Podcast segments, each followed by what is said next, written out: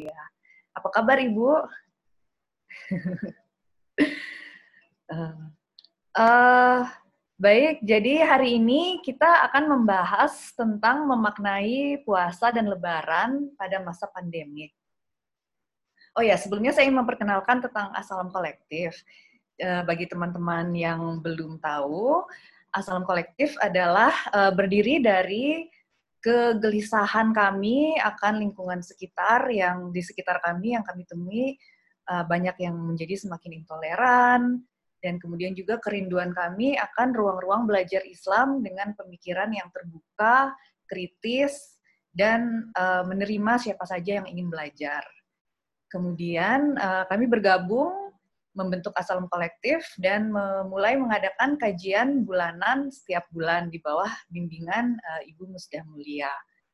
Uh, hal ini kami lakukan sebagai bentuk dari rasa tanggung jawab kami karena kalau misalnya kami mengeluh uh, kenapa ya banyak suara-suara intoleran di sekitar, tapi kemudian bagaimana kita bisa berdiskusi atau berdebat atau melawan jika kita sendiri tidak belajar agama. Jadi sebetulnya ini adalah uh, bentuk uh, respons dari rasa tanggung jawab kami untuk belajar agama sendiri, untuk belajar agama dari awal lagi.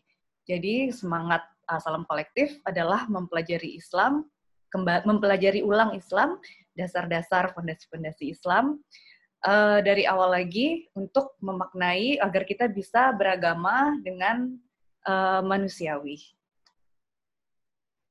Baiklah, uh, topik kita kajian kita kali ini karena hari ini mas uh, termasuk bulan puasa, kami akan membahas uh, makna puasa dan Lebaran pada masa pandemik.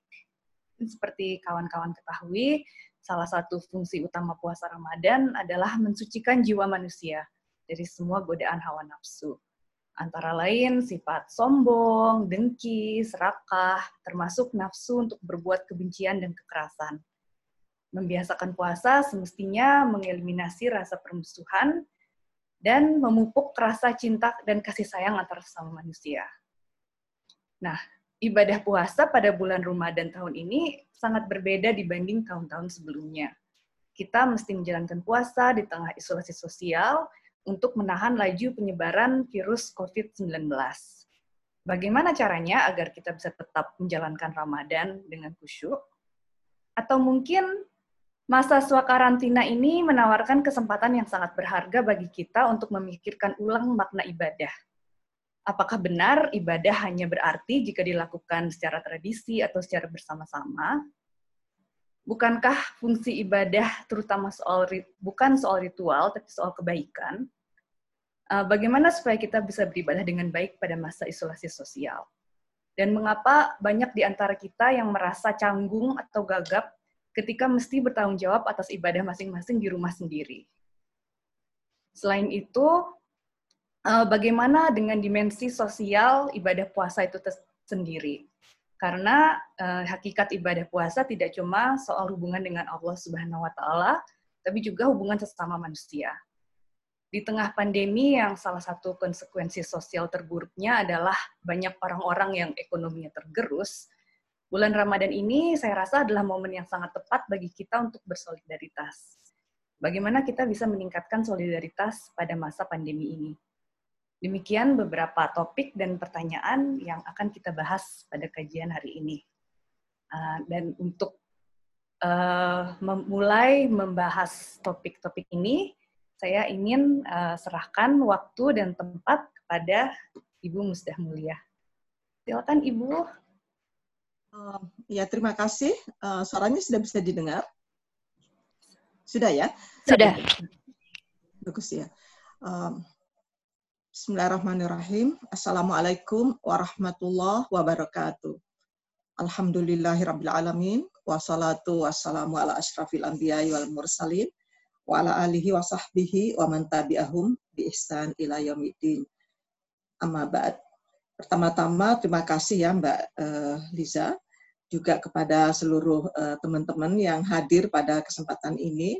Alhamdulillah kita mengucap puji syukur kehadirat Allah Subhanahu wa taala bahwa dengan rahmat dan karunia-Nya kita masih diberi uh, kehidupan, diberi nikmat, rahmat, dan karunia. Alhamdulillah ya. Demikian juga salawat dan salam kita panjatkan kepada junjungan kita Nabi besar Muhammad Shallallahu Alaihi Wasallam.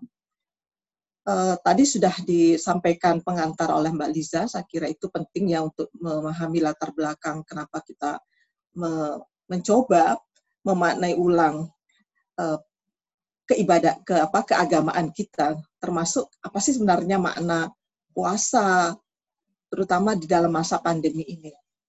Saya kira wabah pandemi ini mengandung banyak hikmah karena itu saya selalu menangkap hal-hal yang positif di balik hikmah. Antara lain kita menyadari betul ya bahwa ternyata kita seluruh manusia itu terkoneksi satu sama lain. Jadi nggak ada uh, apa namanya bahwa ada manusia yang istimewa yang tidak terkena pandemi itu nggak nggak ada. Jadi pandemi ini apa namanya wabah COVID ini menjelaskan kepada kita ternyata kita itu sama ya sebagai manusia hakikatnya itu sama. Wabah ini tidak mengenal ras, tidak mengenal kaya dan miskin, ya tidak mengenal suku, tidak mengenal gender itu justru merupakan sebuah pembelajaran buat saya. Waduh, ini mengajarkan kita untuk kembali memaknai hakikat kita sebagai manusia. Bahkan kalau saya, bahkan pandemi ini semacam jeda bagi kita semua untuk kita semua ini kembali merenung untuk uh, memikirkan kembali orientasi hidup kita. Benar nggak sih kita sudah berada pada track yang benar? Karena menurut saya ini penting loh ya dalam dalam kehidupan bersama atau di dalam kehidupan uh, individual, kita merenungkan kembali orientasi hidup kita itu untuk apa gitu ya. Jadi saya kira ini bagus sekali. Jadi pandemi itu datang sekaligus juga kita sedang eh, berada di bulan Ramadan dan kita juga melaksanakan ibadah puasa. Nah, nanti akan saya jelaskan ibadah puasa itu maknanya apa sih sebetulnya ya.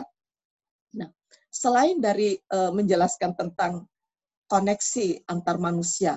Yang menarik dari wabah ini adalah dia tidak memerlukan uh, apa sesuatu yang lain untuk menjadi uh, apanya perantara ya. Misalnya malaria itu kan butuh nyamuk untuk uh, apa namanya transmisinya, untuk penyebarannya. Uh, flu burung yang terjadi di Spanyol 100 tahun yang lalu itu kan membutuhkan unggas. Tapi yang aneh untuk wabah ini itu kan tidak tetapi manusia itu sendirilah perantaranya. Jadi itu mengubah berbagai macam pola yang sudah uh, apa yang sudah uh, sudah apa ya sudah menjadi tradisi dalam kehidupan kita.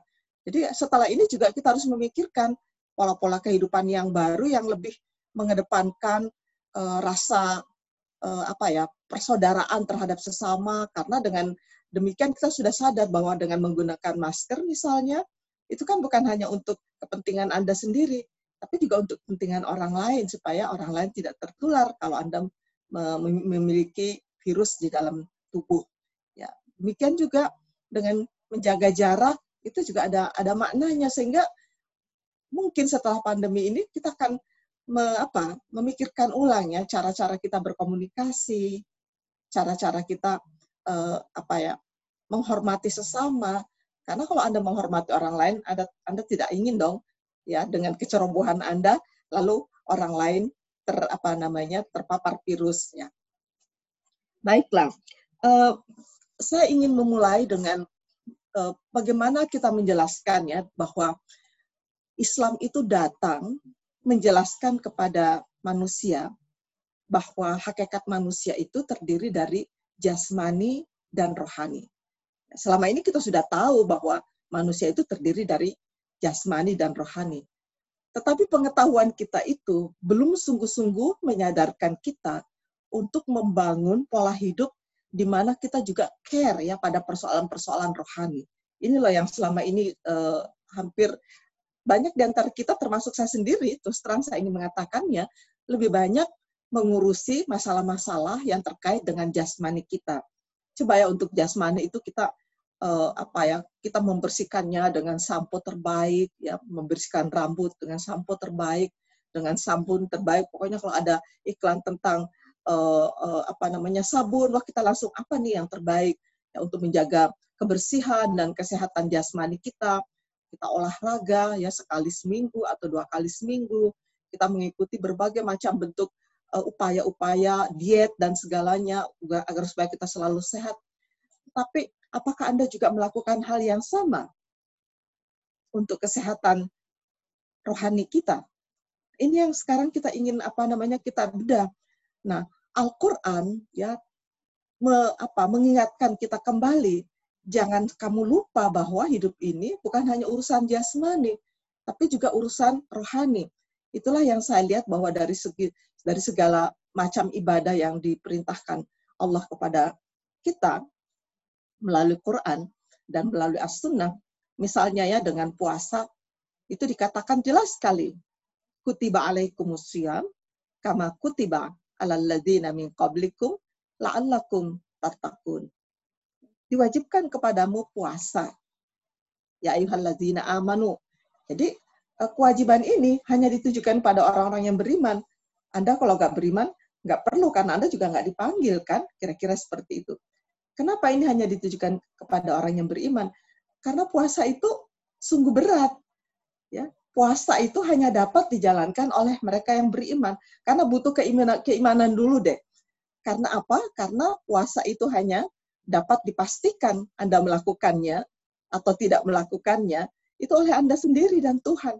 Nggak ada orang yang betul-betul bisa memastikan seseorang yang lain oh, bahwa dia itu puasa. Ya, tidak. Karena ini nggak bisa dilihat dengan kasat mata. Tidak ada orang yang bisa tahu kalau saya itu puasa atau tidak puasa. Cuma saya dan Tuhan. Itulah karena itu dibutuhkan keimanan dulu. Ya ayyuhalladzina amanu, ya kutiba alaikumusiyam, diwajibkan atas kamu puasa, seperti diwajibkannya kepada umat-umat sebelum kamu. Karena itu puasa, itu ada pada semua tradisi, pada semua kepercayaan. Karena itu umat Islam nggak perlu uh, apa ya, nggak perlu uh, nggak perlu merasa merasa apa ya uh, ego atau merasa hebat sendiri karena diperintahkan puasa. Beragama orang agama lain juga berpuasa dengan cara dan syariat yang berbeda, tetapi kita sama aja menghormati tradisi yang lain pada agama orang lain ya. Jadi nggak jangan mengatakan wah hebatnya orang Islam berpuasa no. Ya belum tentu juga puasa kamu itu benar karena Rasulullah 14 abad yang lalu sudah memprediksikan begitu banyak orang yang berpuasa. Tapi dia hanya memperoleh lapar dan dahaga. Hati-hati ya, jadi jangan sampai loh kita tergolong orang-orang yang seperti itu. Nah, di penghujung ayat itu kita di apa dijelaskan untuk apa kamu berpuasa? La'allakum tatakun agar supaya kamu menjadi orang yang bertakwa. Nah, menarik kan? Jadi bertakwa ini urusannya adalah kalau saya menjelaskan takwa itu adalah manusia spiritual. Manusia yang mengedepankan sisi-sisi spiritualnya yang sangat uh, dalam ya. Karena itu di dalam kehidupan sehari-hari apa pun ya posisi kita, Anda mau jadi seniman, sastrawan, penulis, dosen, ya guru, apa pun, Anda harus ya mengedepankan, mengedepankan sisi spiritualitas itu. Kalau tidak, yang terjadi ya hanya pendekatan jasmani ya, dan itu penuh dengan konflik nantinya. Karena jasmani ini urusannya itu kita serakah, kita ambisi, kita penuh dengan apa ya kecelasan. Nah, untuk mengeliminasi itu semua, ini perlu kita kita apa? Kita kontrol dengan sisi spiritual.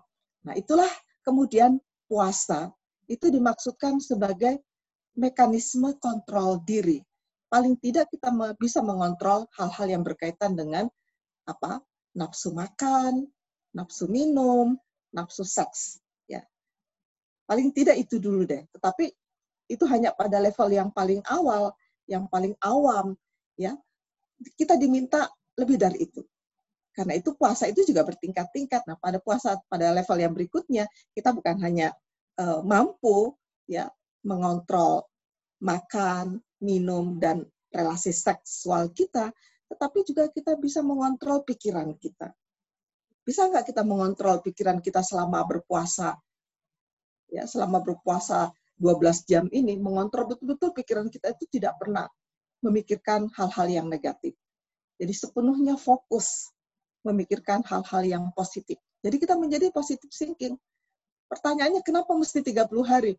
Ada banyak sekali penelitian ya, penelitian yang dilakukan oleh uh, kalangan psikolog dan juga uh, kalangan uh, apa sih namanya uh, yang berkaitan dengan penyakit saraf dan sebagainya itu menunjukkan bahwa setelah uh, latihan selama 30 hari itu akan terbangun sebuah habit yang baru, sebuah kebiasaan yang baru.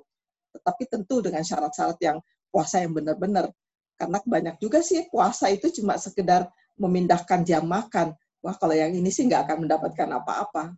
Yakin ya, kalau hanya sekedar memindahkan jam makan, Anda tidak akan mendapatkan seperti yang digambarkan di dalam puasa. La'allakum tatakun. Semoga kamu semua menjadi orang-orang yang bertakwa. Kalau saya bertakwa itu adalah orang-orang yang mengedepankan dimensi spiritual di dalam kehidupan nyata sehari-hari. Ya, memang tidak mudah, tetapi kalau kita membiasakan diri untuk ini ya pasti kita akan uh, apa namanya akan bisa sedikit demi sedikit. Misalnya ya ketika kita menggunakan dimensi spiritual kita, kita tidak akan melihat manusia itu secara apa namanya secara uh, berbeda Bahkan kita tidak bisa melakukan diskriminasi sedikit pun karena apa? Yang kita dekati itu adalah jiwa-jiwanya, jiwa manusia. Bukankah jiwa manusia itu tidak tidak punya jenis kelamin, ya tidak punya jenis gender, tidak mengenal ras, tidak mengenal suku, tidak mengenal kaya dan miskin karena itu kita melihat manusia dan kemanusiaannya. Yang kita sentuh itu adalah hakikat kemanusiaannya. Karena itu kan jadi nyaman ya kita bergaul dengan seseorang, kita nggak punya interest apa-apa sepenuhnya adalah membangun persaudaraan, membangun kemanusiaan. Indah kan jadinya? Nah, karena itu menjadi orang yang bertakwa itu ada syarat-syaratnya. Nah, saya ingin mengatakan yang kemudian adalah tadi saya sudah katakan bagaimana kita di dalam kehidupan sehari-hari ini di samping kita mengurusi mengurus hal-hal yang berkaitan dengan jasmani kita, kita mengurus atau mengembangkan atau mengedepankan, membersihkan. Ya, kalau tubuh jasmani kita itu kita kalau nggak mandi sehari itu rasanya tuh gimana ya? Ya kalau nggak keramas dalam waktu dua hari itu rasanya gimana? Tapi Anda merasa seperti itu nggak terhadap rohani Anda? Nah itu kan artinya kita abai pada dimensi spiritual kita. Padahal itu sama pentingnya, bahkan menurut saya itu jauh lebih penting dari aspek jasmani kita. Nah, di dalam kitab-kitab tasawuf, ya, orang-orang sufi mengajarkan bahwa di dalam diri setiap manusia itu ada yang disebut dengan nafsu. Nafsu ini tabiatnya itu selalu ingin hal-hal yang ringan. Dia ingin hal-hal yang instan. Karena itu kalau sesuatu itu bisa diperoleh dengan cara yang instan seperti korupsi, kenapa kita mesti kerja keras ya? Karena itu banyak orang yang terpedaya, tergoda dengan nafsu-nafsu yang ada di dalam dirinya, yang bersama dia sepanjang waktu. Nah, kita harus ingat bahwa di dalam diri kita itu ada ada dua jenis nafsu. Ya, ada yang disebut dengan uh, apa? Nah, uh, nasut, nafsu nasut. Nasut itu artinya dalam bahasa Ibrani itu nafsu kebinatangan. Yang isinya itu mengajak kita kepada keserakahan wah kalau kita sudah dikuasai nafsu serakah, dunia seisinya itu nggak cukup. Ya, karena itu Gandhi pernah mengatakan, dunia dan seisinya ini nggak pernah cukup untuk satu orang yang serakah. Tetapi dunia dan seisinya ini sangat berlimpah, lebih dari cukup untuk memenuhi atau apa uh, ya memenuhi kebutuhan seluruh manusia di muka bumi ini. Karena kebutuhan kebutuhan kita sebagai manusia itu sebenarnya nggak banyak loh. Coba deh perhatikan, sekali-hari coba Anda membuat daftar list kebutuhan real. Itu sebenarnya nggak banyak loh. Tetapi yang banyak itu keserakahan, keinginan yang nggak ada habisnya.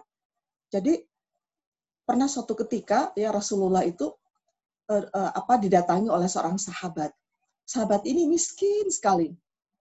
Dia datang kepada Rasul ya Rasul, doakan saya. Saya tuh kepingin apa ya tercukupi kebutuhan material saya. Sehingga saya bisa berzakat ya bisa ber, berde, apa bersedekah bisa berbuat lebih baik lagi di masyarakat. Akhirnya Rasulullah mendoakan dia. Apa yang terjadi kemudian? Dia mulai berhasil di dalam usaha-usahanya. Ternaknya itu semakin banyak. Mulanya itu cuma beberapa ekor menjadi puluhan, menjadi ratusan, menjadi ribuan, bahkan penuh memenuhi lembah, ya lembah lembah di uh, di Arab sana. Apa yang terjadi setelah hartanya banyak?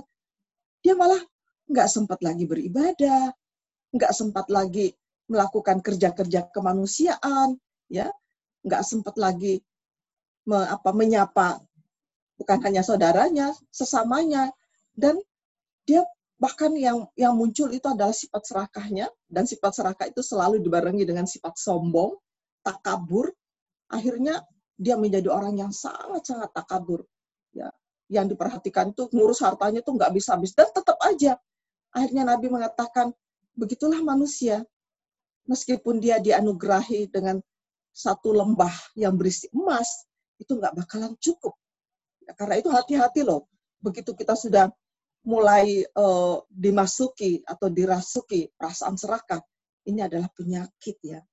Ya kalau misalnya bajasmani kita itu pusing atau sedikit mengalami uh, flu atau gangguan demam, kita itu langsung sadar ya, lalu kita cari panadol, kita cari aspirin. Tapi banyak orang yang jiwanya sakit, yang sudah di di apa namanya dipengaruhi oleh nafsu nah nasut itu kok nggak sadar-sadar ya karena itu setiap kali kita merasa kok kita sudah mulai ada ada perasaan serakah ada perasaan ingin me, apa membuli orang lain atau perasaan ingin menghabisi orang lain itu artinya ada penyakit loh. Buru-buru harus kita obati. Harus kita obati dengan cara-cara bagaimana kita beribadah dengan benar bagaimana kita kembali berkontemplasi kepada Tuhan, ya kita beribadah seperti puasa, ya seperti sholat dan sebagainya untuk membersihkan penyakit jiwa yang melekat di dalam rohani kita. Karena itu kita selalu punya kesadaran loh, jangan cuma aduh saya kok pusing ya, lalu kita merasa terganggu. Nah, kalau kita merasa ada hal-hal yang uh, apa terkait dengan rohani kita, mestinya, aduh saya ini kok ada ada rasa ingin mengambil hak orang lainnya, wah ini penyakit jiwa nih, gimana nih ya caranya nih. Mestinya kita juga terganggu dengan penyakit-penyakit seperti itu. Tapi kebanyakan orang tuh abai. Dia hanya perhatian, dia hanya uh, apa ya sedikit uh, apa namanya terganggu kalau jasmaninya yang sakit. Kalau rohaninya yang sakit, dia kok merasa biasa-biasa saja. Padahal dia sudah demikian serakahnya, demikian takaburnya, demikian arogannya. Ya. Jadi karena itu sepanjang yang saya baca dalam Al-Quran, itu isinya tuh lebih banyak berupa pesan-pesan moral, mengajarkan kita untuk selalu waspada terhadap penyakit yang boleh jadi ya me, apa, menodai rohani kita. Nah, yang kedua, tadi saya katakan ada dua jenis nafsu, ada nafsu nasut ada nafsu lahut. Lahut itu artinya dimensi ketuhanan. Jadi nafsu yang mendatangkan kebaikan. Inilah yang kemudian di dalam Al-Qur'an ya di uh, apa namanya di, diseru atau dipanggil dengan dengan panggilan yang sangat indah ya Tuhan nafsul mutmainnah irji'i ila rabbiki radiyatan mardiyah ya. pada khuli fi ibadi pada khuli jannati. Jadi di dalam Al-Quran itu, jiwa-jiwa yang tentram, rohani-rohani yang yang apa rohani-rohani yang uh, baik. Ya spiritual manusia spiritual itu dipanggil anda tahu dipanggil dengan dengan apa? Dengan panggilan yang mengedepankan sisi feminin. Jadi kalau Al-Quran itu saya selalu katakan Al-Quran itu adalah bahasa yang sangat seksis. Kita tahu betul kapan Quran itu memanggil dengan panggilan maskulin, kapan yang memanggil dengan panggilan feminim. Tapi begitu memanggil jiwa-jiwa yang damai, jiwa-jiwa yang tenang, jiwa-jiwa yang jauh dari sifat-sifat arogan, serakah, dan sebagainya, Tuhan itu memanggilnya dengan panggilan yang feminin ya. Ya ayat Tuhan nafsul mutmainnah. Wahai jiwa-jiwa yang tenang. Ya artinya yang yang terbebas dari segala macam belenggu penyakit yang saya katakan tadi itu. Penyakit-penyakit jiwa yang sering kali kita tidak sadari. Nah, dipanggil dengan panggilan yang feminin. Artinya apa? Sebetulnya kualitas feminin itu sangat sangat apa istimewa. Tetapi kenapa di dalam kehidupan sehari-hari orang kok tidak, tidak suka ya begitu begitu itu berkaitan dengan uh, apa kualitas feminin? Wah, dia itu jauh dari agama, nggak boleh masuk masjid. Ya kalau perlu dibuatkan uh, perempuan itu tempat sholatnya cuma di emperan sana. Ini sering kali saya lihat kalau saya masuk ke dalam sebuah masjid, saya lalu perhatikan untuk jamaah perempuan ditaruh di mana ya? Biasanya itu di tempat-tempat yang nggak nyaman. Kalau bukan di paling belakang sana, ya, yang becek deket apa namanya deket uh, tempat wudhu, kan di situ kan pasti nggak enak karena kan deket tempat wudhu, ya, bukan tempat yang buat saya tempat yang nyaman. Atau di di emperannya atau paling depan ya di uh, apa itu di terasnya dibuatkan tempat di situ nggak ada pendingin, nggak ada aduh kadang-kadang saya pikir kok tega ya manusia itu ya.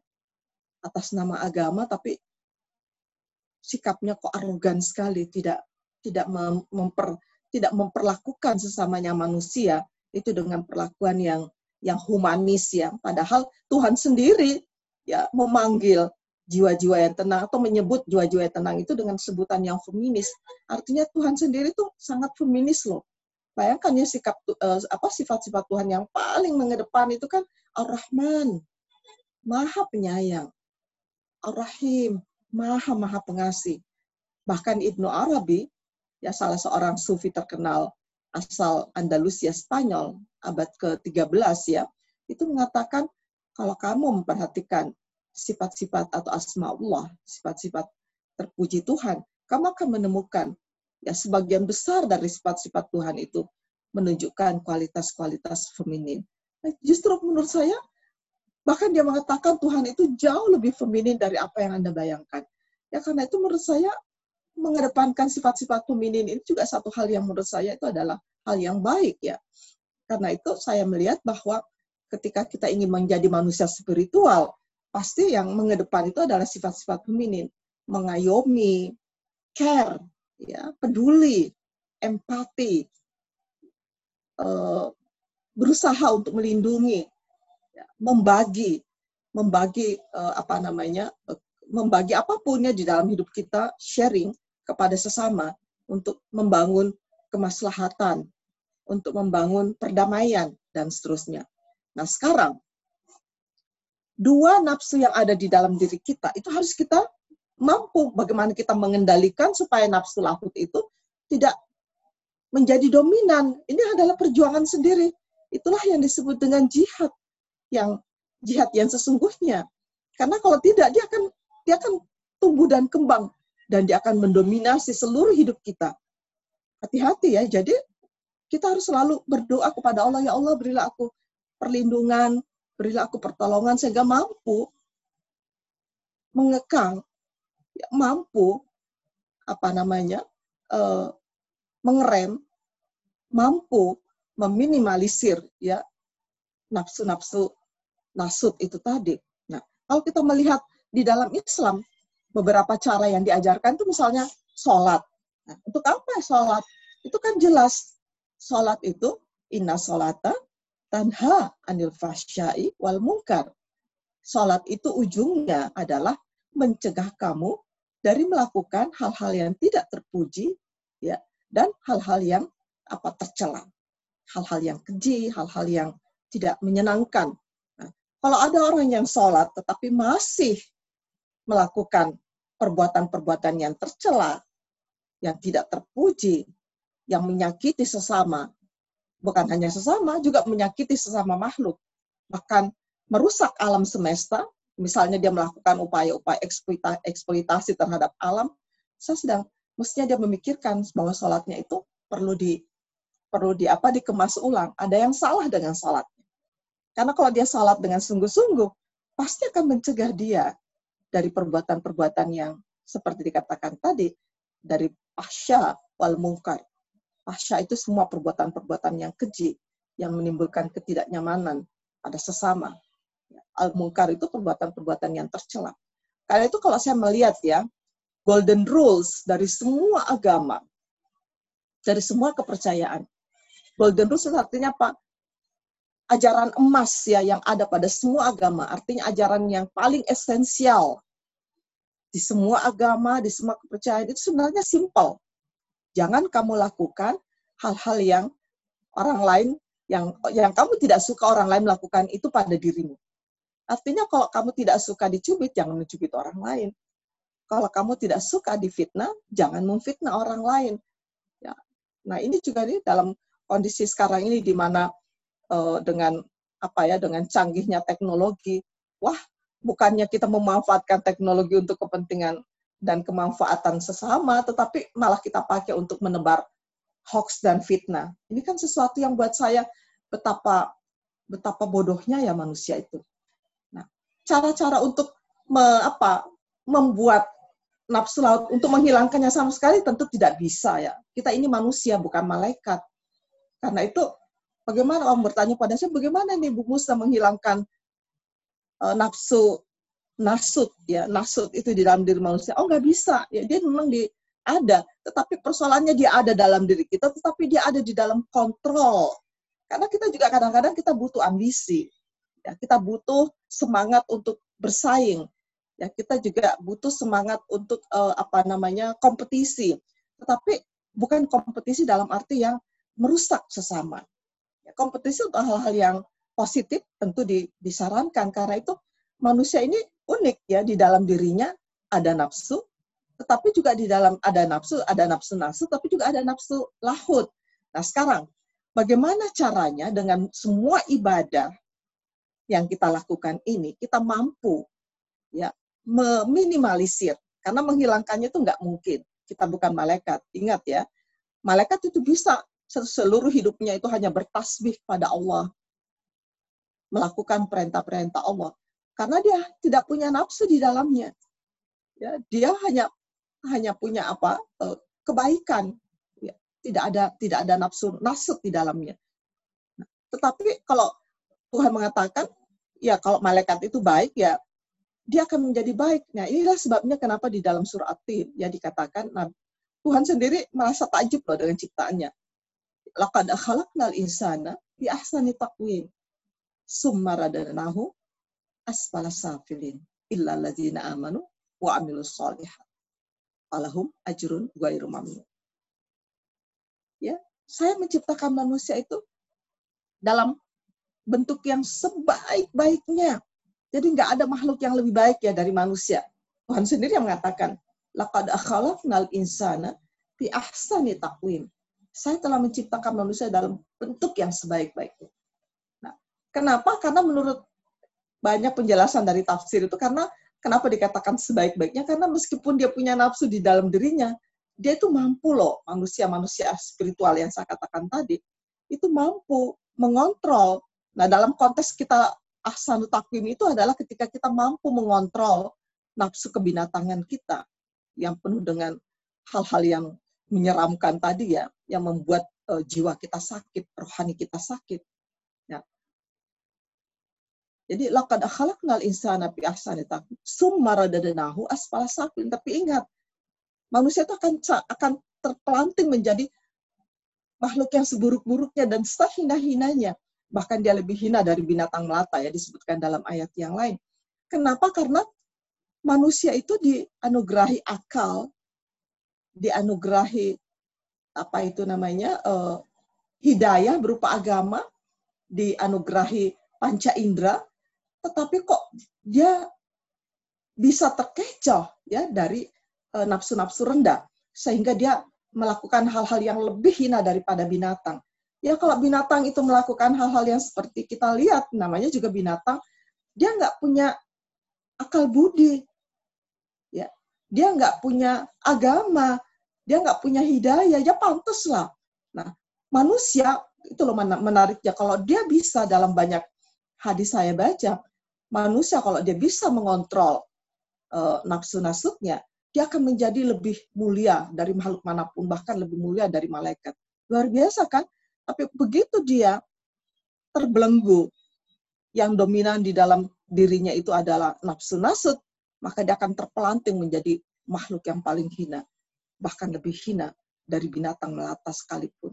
Mengerikan sekali, karena kalau binatang seperti itu ya, ya pantas lah. Dia nggak punya nggak punya akal budi sama sekali.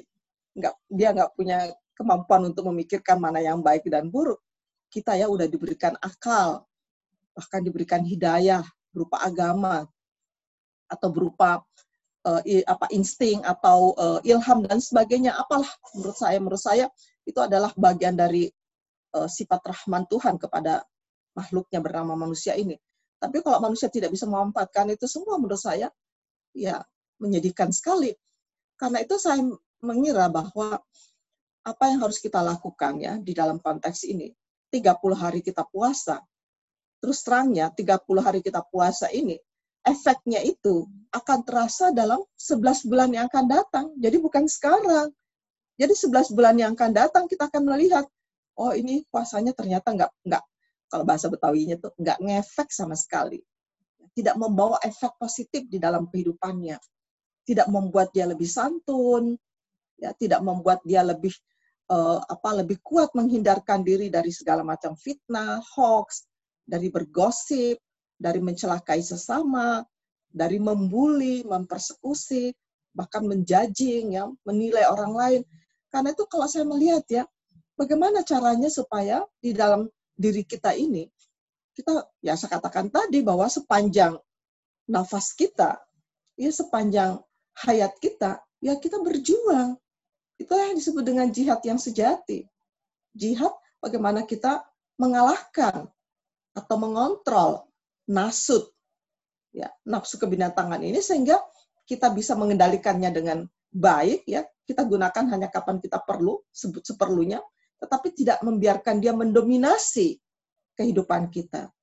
Dia tidak mendominasi pikiran kita tidak mendominasi perasaan kita tidak mendominasi syahwat kita. Sebalik, sebaliknya kita berusaha untuk apa? Me, apa? menumbuhkan ya mengembangkan nafsu lahut ini sehingga dia menjadi dominan di dalam kehidupan kita sehingga kita menjadi manusia spiritual yang lebih banyak mengedepankan dimensi spiritual di dalam kehidupan nyata sehari-hari. Apa pun posisi Anda apa pun profesi Anda Anda akan selalu mengedepankan sisi spiritual. Dan itu akan sangat sangat indah di dalam kehidupan nyata karena kalau kita mengedepankan sisi spiritual ya spiritualitas itu kan sesuatu yang tidak melihat apa pun. Jadi yang kita lihat itu adalah jiwanya, ya, sisi kemanusiaannya. Jadi enak kan jadinya tidak ada tidak ada diskriminasi, ya, tidak ada eksploitasi, tidak ada kekerasan dan sebagainya. Nah, saya melihat bahwa puasa itu luar biasa loh manfaatnya di dalam diri kita. Bukan hanya uh, apa? Bukan hanya menyehatkan jasmani kita. Ada kalau mempelajari uh, manfaat puasa dalam uh, fisik manusia, dalam jasmani manusia itu luar biasa itu semacam detox ya. Semacam apa ya, semacam mekanisme pembersihan diri benar-benar semua apa racun-racun dalam tubuh itu selama puasa itu dibersihkan dan itu kelihatan betul efeknya kalau Anda betul-betul berpuasa. Jadi berpuasa yang benar-benar itu ya selama setelah 12 jam berpuasa ketika Anda berbuka Anda tidak balas dendam kan. Jadi Anda punya aturan minum air hangat dulu ya, setelah itu makan buah-buahan, ya setelah itu makan juga seperlunya, tidak tidak tidak asal apa ya tidak makan seperti apa ya saya katakan kata-kata saya suka bingung yang ngeliat ini orang puasa atau balas dendamnya biasa biasa biasa saja lah kalau anda datang ke rumah saya pada pada bulan-bulan puasa anda pasti bingung. Nggak ada nggak ada kegiatan yang spesial. Bahkan bahkan pengeluaran saya kalau bulan Ramadan itu jauh lebih berkurang daripada bulan-bulan biasa. Dia kan berbeda dengan kebanyakan orang kalau bulan puasa itu, waduh, pengeluarannya pengeluarannya itu menjadi lebih banyak bahkan berkali-kali lipat dari bulan-bulan biasanya karena segala macam masih siang-siang begini segala macam sudah dipersiapkan ya untuk memenuhi nafsunya. Jangan salah itu kan tadi nafsu juga tuh. Ya nasut itu selalu mengatakan, oh kita perlu ini, bikin ini, bikin itu. Bahkan saya tuh nggak pernah bikin kolak loh tapi kalau buat saya kalau ada yang hobi koleksi nggak masalah, ya asalkan itu tidak menjadi sesuatu yang uh, apa ya yang wajib yang ada harus persiapkan. Ya nggak perlu seperti itu juga lah ya. Biasa-biasa saja bisa nggak? Justru kalau pada bulan puasa itu Anda mengurangi benar-benar semua porsi makanan itu dikurangi benar. sehingga berat badan kita juga jadi berkurang. Nah, sekarang bisa nggak sekarang yang setelah kita melihat makna puasa di dalam uh, kehidupan kesehatan jasmani kita itu sekarang kita arahkan untuk kesehatan dan kebersihan uh, rohani kita. Bisa nggak seperti itu? Ya kalau itu bisa mengurangi uh, berat uh, berat uh, fisik kita bisa nggak itu memperbaiki ya? Menjadi jadi uh, apa namanya jiwa kita itu menjadi glowing ya? Menjadi uh, bercahaya ya? Karena kita menghilangkan nih kita mengeliminasi sifat-sifat dengki iri hati itu kan penyakit semua loh jangan dikira jadi kalau saya itu merasa iri pada seseorang irinya iri negatif dengki saya lalu astagfirullah aduh saya sakitin jadi kita harus mesti mesti apa ya uh, risau merasa galau. Wah, saya sakit nih, sakit apa? Kok tiba-tiba kok saya dengki sih gitu. Jadi kita perlu loh menyadari karena kalau kita nggak menyadari, kita nggak akan pernah berusaha untuk mengobatinya. Karena itu pentingnya kesadaran bahwa kita sakit, sakit jiwa, jiwa kita sakit. Tiba-tiba kok kita merasa uh, ada semacam ingin uh, membuat fitnah misalnya. Lalu kita sadar, wah, saya lagi sakit nih. Saya kok punya niat mau bikin fitnah ya, ingin merusak orang lain, ingin menjatuhkan orang lain, ingin uh, apa namanya uh, menculasi atau apa ya culas, ingin ingin berbohong misalnya apa gitu kan, itu kan mesti langsung kita sadar, aduh enggak deh, enggak, ini harus diobati, kira-kira begitu. Nah, puasa itu adalah obat yang paling efektif ya, dibandingkan semua ibadah yang lain penyakit-penyakit jiwa yang ada di dalam diri kita yang selama ini bertahun-tahun sudah ada nggak diobatin, sekarang obatilah dengan puasa. Ya mungkin setelah puasa Ramadan ini Anda perlu, perlu tambah dengan puasa sunnah syawal enam hari. Setelah itu Anda puasa rutin Senin Kamis ya. Tetapi Anda puasa benar-benar sekali lagi, bukan puasa sekedar memindahkan jam makan, bukan. Tetapi Anda benar-benar puasa dalam arti bagaimana Anda meniatkan puasa itu mampu mengeliminir semua penyakit-penyakit jiwa. Nah, kalau kita betul-betul berpuasa, itu akan menumbuhkan berbagai dimensi spiritualitas kita, akan menimbulkan atau menumbuhkan sikap empati kepada sesama. Kenapa ini penting ya? Karena kalau saya melihat di dalam Islam itu beberapa ayat itu menegaskan pentingnya kita menyadari bahwa kita semua manusia ini adalah bersaudara. Bukankah kita diciptakan dari Tuhan yang sama? Ya, apa pun agama dan kepercayaanmu, ya kita tuh diciptakan dari Tuhan yang sama. Tapi banyak juga seorang yang bertanya kepada saya, apakah Tuhan kita dengan Tuhan penganut agama yang lain itu sama? dalam hati saya orang ini kok susah ya kok Tuhan itu kok Tuhan itu satu ya kalau kita yakin Tuhan Tuhannya satu berarti Tuhan itu menciptakan semuanya dan dalam Quran juga mengatakan saya sengaja menciptakan manusia itu berbeda-beda beda agama ya beda kepercayaan beda suku beda apa semuanya itu agar supaya kalian itu saling apa lita arafu apa artinya ta'arufu? Saling mengenal. Mengenal itu bukan sekedar kenalan dalam arti biasa dalam bahasa Indonesia, tetapi mengenal itu adalah mengenal secara mendalam di mana pengenalan itu menimbulkan apa? Menimbulkan uh, jiwa silaturahim. Silaturahim itu artinya apa sih? Di mana kita merasa kita tuh senasi satu-satu rahim, ya. Karena itu rahim itu itulah sebabnya kenapa rahim itu di di apa diamanahkan kepada seorang perempuan ya bukan kepada seorang laki-laki.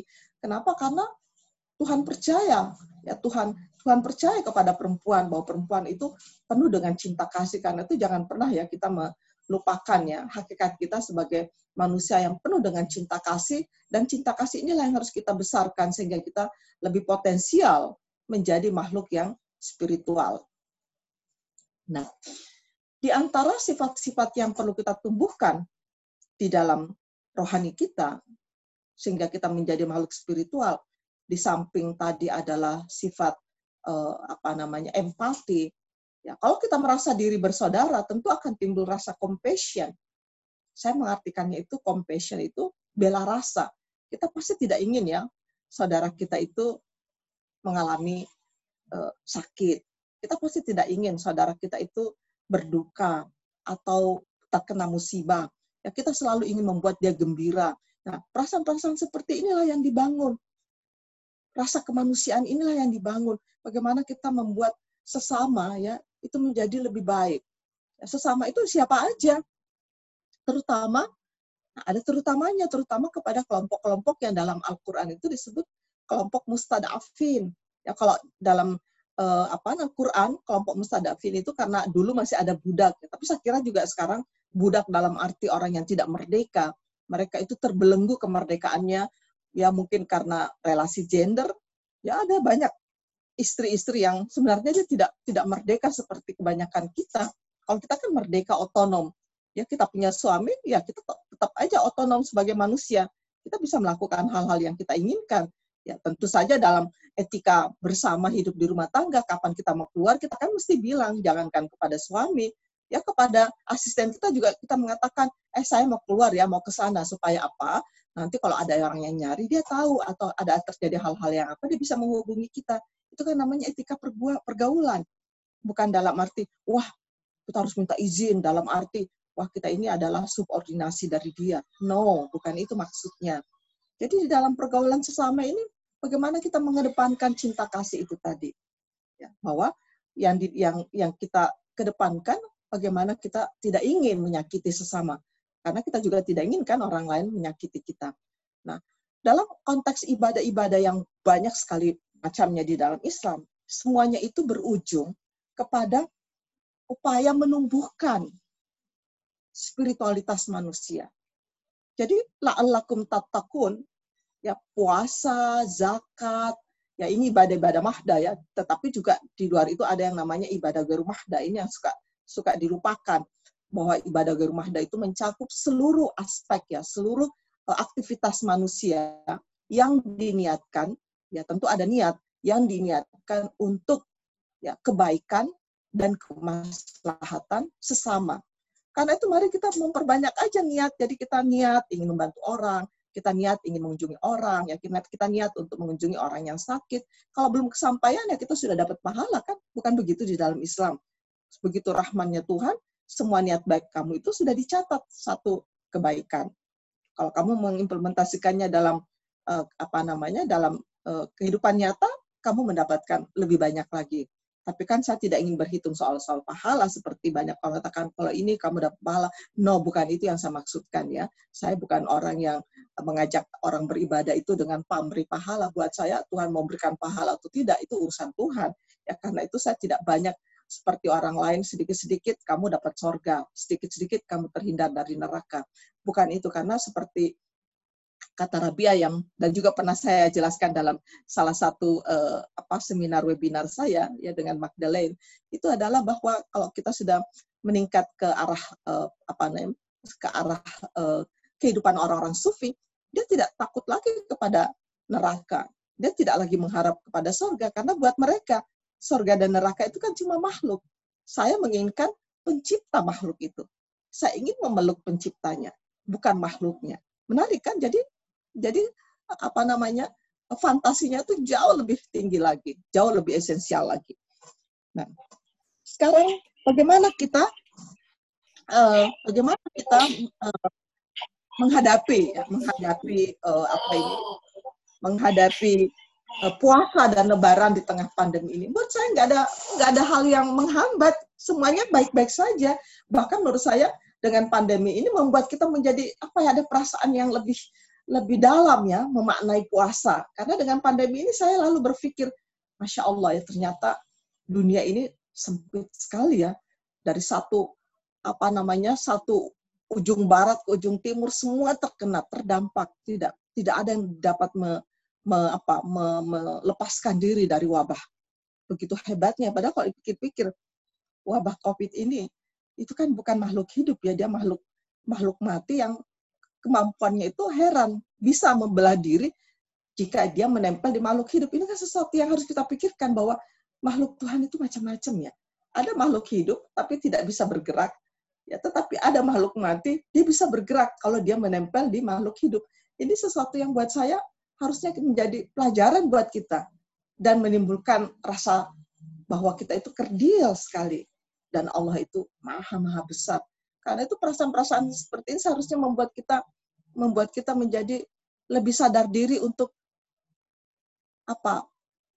Berterima kasih sebanyak-banyaknya kepada Tuhan ya Allah betapa besar ya uh, nikmatmu betapa, betapa besar rahmat dan karuniamu. Sementara kita tidak mampu ya memberikan apa namanya uh, rasa syukur kita seperti yang dikehendaki. Karena itu mari kita semuanya memperbaiki kembali ya. Semakin banyak kita bersyukur semakin banyak kita merenungi ya atau merenungkan kembali ya apa-apa saja yang sudah kita lakukan.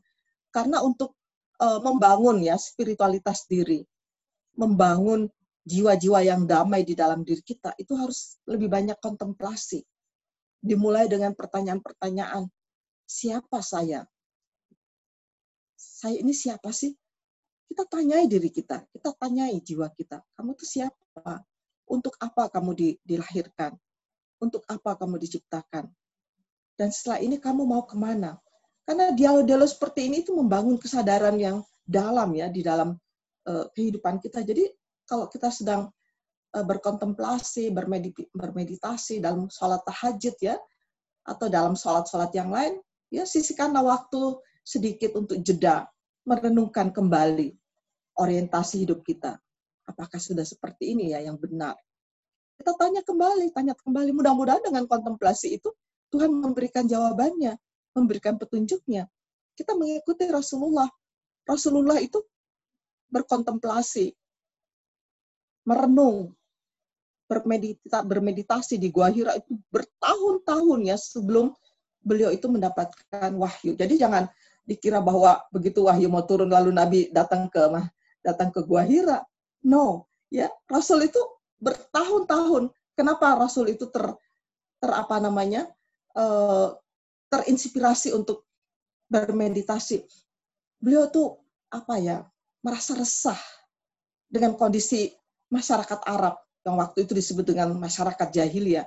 Yang jahiliyah itu artinya bukan bodoh karena selama ini apa yang diterjemahkan uh, dengan bodoh itu seolah-olah bodoh dalam arti dia nggak bisa menulis dan membaca bukan itu maksudnya masyarakat Arab tuh sudah mengenal huruf itu jauh sebelum uh, Masehi ya. Mungkin abad-abad ketiga sebelum Masehi mereka sudah mengenal uh, huruf. Karena itu bukan bukan berarti tidak bisa membaca dan menulis tetapi mereka tidak bisa membaca dan menulis nilai-nilai kemanusiaan. Mereka tidak punya norma yang mengatur diri mereka sebagai manusia sejati. Ya mereka memperturutkan hawa nafsu mereka. Jadi siapa yang kaya akan memperbudak yang miskin. Itulah yang terjadi, di mana perbudakan itu dianggap sebagai sesuatu hal yang normal-normal saja. Nah, karena itu Islam datang memberikan apa ya penjelasan lewat Rasulullah dan Rasulullah sudah bertahun-tahun ya galau, resah dengan kondisi masyarakat ini. Jadi Nabi datang ke Gua Hira memikirkan ya Allah ini apa ya maksudnya? Memikirkan saya ini siapa ya Allah? Apakah saya harus seperti masyarakat saya? Ya, bermeditasi, berkontemplasi, berjam-jam, bahkan sampai nginap di Gua Hira. Ya, sampai kemudian beliau menikah juga masih seperti itu. Hadijah yang me, me, apa ya, me, me, bahkan mendukung ya bahwa ya Nabi adalah makhluk spiritual, manusia spiritual yang mengedepankan dimensi-dimensi spiritualitasnya dan Hadijah istrinya itu sudah mengerti ya tentang watak suaminya jadi dia membiarkan suaminya pergi berkontemplasi berhari-hari ya dengan dengan bekal makanan yang seadanya ya dengan merenung. Karena itu kita penting loh merenung. Saya pikir ini salah satu hikmah dari covid ini kamu itu perlu jeda ya perlu ada istirahat perlu ada waktu untuk merenung habis. Karena kalau nggak dipaksa seperti ini kita kita nggak nggak ini nggak nggak sadar. Kita tetap seperti dalam kebiasaan kita yang hingar bingar seperti itu bahkan 24 jam itu nggak cukup untuk mengurusi seluruh kesibukan kita yang umumnya itu hanya mengarah kepada masalah-masalah fisik, kepentingan-kepentingan jasmania kita. Nah, saya kira pentingnya ini menyadarkan kita, ya terutama dengan e, ibadah puasa ini, bahwa puasa ini betul-betul ya menyadarkan kita tentang pentingnya itu. Lalu bagaimana dengan lebaran nanti? Tentu kita akan berlebaran dengan suasana mungkin tidak saling mengunjungi tapi kita bisa menggunakan semua ya semua kecanggihan teknologi untuk menyatakan rasa kangen kita, untuk menyatakan maaf kita, untuk menyatakan rasa gembira kita, untuk menyatakan rasa cinta kita sebagai saudara. Ini kalau di dalam lebaran itu kata-kata atau kalimat yang menonjol itu adalah minal aidin wal faizin. Banyak orang yang tidak mengerti apa arti dua potong kalimat itu. Bahkan ada yang mengatakan minal aidin wal faizin itu artinya mohon maaf lahir batin. Saya sering kali tersenyum saja ya karena saya juga tidak ingin mengoreksi kesalahan orang. Ya, minal aidin itu adalah wal faizin itu adalah sepenggalan ya, itu sepenggalan dari doa yang panjang. Mungkin singkatnya itu doa yang bunyinya Allah maja'alna. Allah maja'alna minal aidin wal faizin. Ya Allah, jadikanlah aku ya tergolong dari orang-orang yang kembali dan orang-orang yang beruntung, orang-orang yang menang. Nah, kembali apa? Kembali kepada fitrah. Setelah kita berpuasa 30 hari, kita kembali ke fitrah kita, ke fitrah kesucian kita. Kan bukankah kita diciptakan Allah dalam keadaan suci? Ya, jadi dalam Islam itu kita tidak mengenal dosa warisan loh.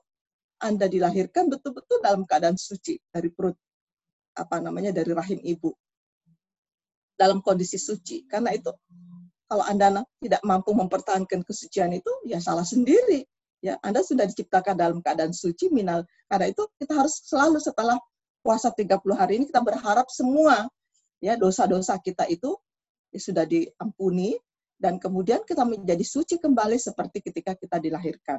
Karena itu kita berdoa minal aidin wal faizin ya dan orang-orang yang beruntung, orang-orang yang menang. Beruntung itu maksudnya apa? Kita beruntung atau kita menang karena kita sudah mampu mengendalikan apa? Mengendalikan nafsu nasut di dalam diri kita. Nah, kemenangan ini perlu dirayakan. Ya Allah, kita menang. Ya, kita menjadi orang-orang yang beruntung. Jadi kita mengatakan minal aidin wal faizin. Jadi kita artinya saling mendoakan ya minal aidin. Allahumma ja'alna. Mudah-mudahan kita semuanya ya menjadi orang-orang yang kembali kepada kesucian dan kembali menjadi orang-orang yang beruntung. Ya Alhamdulillah, semoga betul-betul Tuhan menerima doa kita. Karena itu di dalam uh, banyak uh, tafsir yang saya baca, seperti apa sih sebetulnya orang-orang yang kembali itu? Nah, orang-orang yang kembali itu setelah setelah dia menyimpang jauh dari jalannya kan, ini sebenarnya jalan yang lurus ya di dalam kehidupan keagamaan kita diajarkan itu siratal mustaqim. Tapi nggak seperti dalam cerita-cerita horor ya bahwa siratal mustaqim itu digambarkan jalan yang akan membentang di atas neraka ya di bawahnya itu ada api yang menyala-nyala dan siratal mustaqim itu berupa rambut di belah tujuh yang tajam seperti silat. Wah itu menurut saya itu cerita horor ya. Nggak punya dasar di dalam Al-Quran. Nggak ada nggak ada nggak ada ayatnya ya nggak ada hadisnya.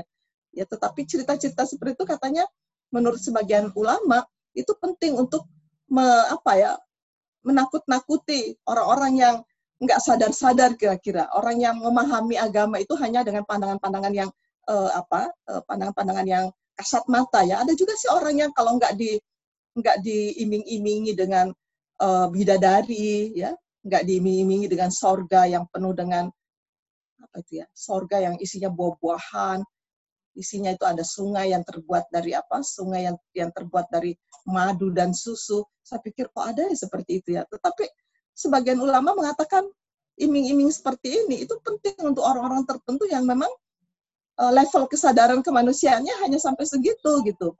Karena itu saya pikir semoga kita semuanya tidak sampai kepada uh, kesadaran yang uh, level seperti itu, kita berada pada kesadaran yang lebih tinggi apa yang kita inginkan adalah keridhaan Allah Subhanahu wa taala. Karena itu dengan Ramadan nanti ini kita semuanya mengucapkan minal aidin wal faizin. Saya kira demikian. Mudah-mudahan ada manfaatnya untuk kita dan saya kira kita banyak diskusi lebih baik. Terima kasih. Wassalamualaikum warahmatullahi wabarakatuh. Waalaikumsalam warahmatullahi wabarakatuh. Terima kasih banyak kepada Bunda Musda Mulia atas uraiannya yang panjang lebar. Uh, teman-teman, setelah ini kita akan memulai sesi diskusi. Jadi teman-teman yang ada yang punya pertanyaan atau ingin sharing atau ingin curhat pengalaman apa saja, silakan ditulis di uh, kolom chat ya. Nanti saya akan bacakan uh, dan saya sampaikan kepada Bunda. Uh, Bunda boleh juga dong mereka boleh juga dong mereka langsung ngomong biar kita dengar pendapatnya. Oh boleh, boleh, boleh juga. Uh, sementara itu kita sudah ada beberapa pertanyaan nih Bunda. Oke. Okay. Yang masuk selama uh, paparan tadi. Yang pertama ada seorang peserta yang bertanya bagaimana jika kita ingin mempertanyakan Tuhan. Apakah benar kalau selama ini kalau belajar agama tidak boleh bertanya? Dan terus terang uh, Peserta ini berkata sudah pernah mengalami beberapa fase mempertanyakan Tuhan. Nah, nah menurut Ibu ini bagaimana? Oke, saya catat, saya catat dulu aja dulu ya. Oh, boleh. Ya, saya catat aja dulu semuanya, Mbak Eliza. Oke, boleh. Kemudian hmm. pertanyaan kedua, bagaimana menurut Ibu ketika manusia itu semakin tinggi gelar pendidikan dan prestise dalam masyarakat, tapi dia belum mampu untuk mengendalikan nafsu. Apakah untuk menjadi makhluk spiritual tidak memerlukan pendidikan yang tinggi? Bagaimana dengan janji Allah yang akan meninggikan derajat orang yang berilmu? Sedangkan tidak semua orang berilmu memiliki jiwa spiritual yang tinggi. Kemudian ini pertanyaan lagi tentang zakat, Bu. Eh, di penghujung ibadah puasa kita akan menunaikan zakat. Tapi apakah bisa jika zakat tidak disalurkan ke masjid di lingkungan kita yang saya dengar suka berkhotbah tentang kebencian terhadap non-muslim atau suku tertentu? Bisakah saya salurkan langsung kepada orang yang membutuhkan atau saluran-saluran lainnya? Eh, benarkah kalau seperti itu tidak disebut zakat, melainkan amal sedekah? Terus kemudian ada pertanyaan lagi yang baru masuk. Bagaimana cara mengelola emosi apabila bertemu dengan orang yang bicaranya kasar dan menyinggung agar kita tidak ikut terpancing? Kemudian yang uh, satu lagi, bagaimana dengan orang-orang yang bersikeras untuk terus ke masjid di masa pandemi ini atau untuk mudik? apakah benar sholat tarawih menjadi kurang afdol kalau dilakukan di rumah? Uh, kemudian bisakah kita sholat id di rumah saja? Bagaimana kalau kita tinggal sendiri, tidak bersama keluarga, apakah tetap bisa sholat sendiri?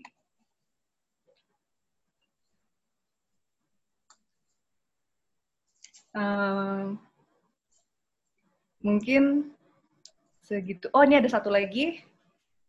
Uh, tadi dari seorang peserta lagi, Tadi saya mendengar bahwa Ibu mengatakan tidak ada ayat yang mengatakan rambut dibelah tujuh. Namun ada tafsir dari Ibnu Katsir.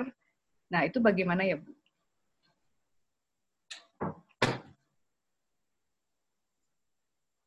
Ya, mungkin sekian dulu.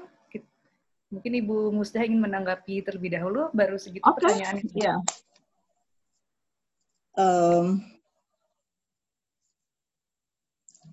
Yes, terima kasih banyak. Saya uh, saya jawab ya sekarang satu persatu. Uh, uh, Alhamdulillah ya. Um, pertanyaan-pertanyaan ini bagus sekali. Saya senang sekali setiap kali kita ketemu seperti ini. Saya semakin buat saya itu semakin bertambah ya wawasan saya. Karena apa? Pertanyaan-pertanyaan banyak hal yang pertanyaan yang tidak terduga sebelumnya. Jadi terus terang sebagai uh, apa? Sebagai dosen atau sebagai penceramah atau sebagai sebenarnya saya bukan penceramah ya sebagai apa namanya orang yang suka share seperti ini saya juga mendapatkan feedback dari uh, apa namanya dari teman-teman sekalian. Ini pertanyaan yang menarik yang pertama itu adalah um, bagaimana memper bagaimana boleh nggak kita mempertanyakan Tuhan? Saya setiap setiap hari saya selalu mempertanyakan Tuhan Tuhan apakah Tuhan itu adil? Apa adilnya itu seperti apa? Jadi kalau saya mempertanyakan Tuhan itu dalam konteks bagaimana membangun rasa apa ya rasa cinta saya kepada Tuhan untuk menyadari betul benar nggak sih saya menyembah Tuhan itu dengan cara-cara yang sudah benar atau tidak.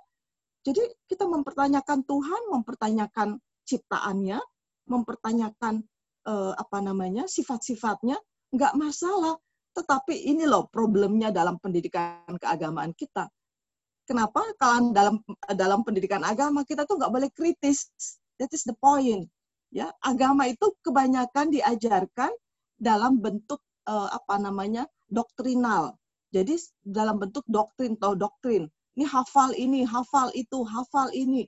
Saya tuh kadang-kadang terus terangnya banyak mungkin banyak orang yang nggak setuju kepada saya kalau misalnya masih di PAUD anak-anak itu diajarkan hafalan itu menurut saya itu tidak tidak apa ya bukan waktunya. Apalagi diajarkan calistung itu bukan bukan masanya.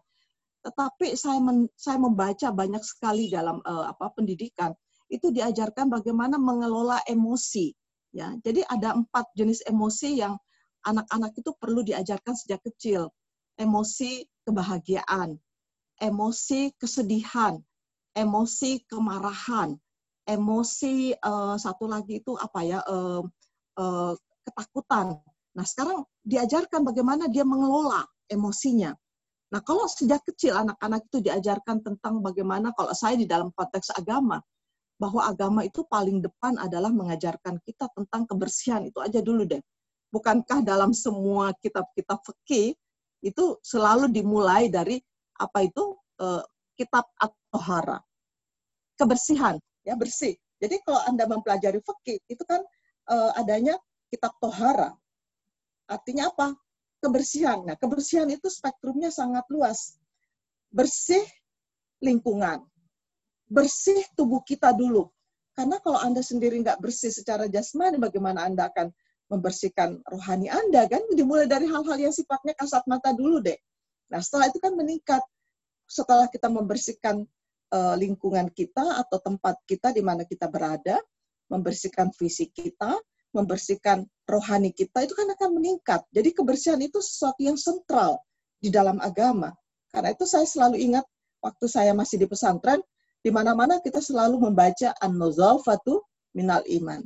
Kebersihan itu adalah bahagian integral dari iman.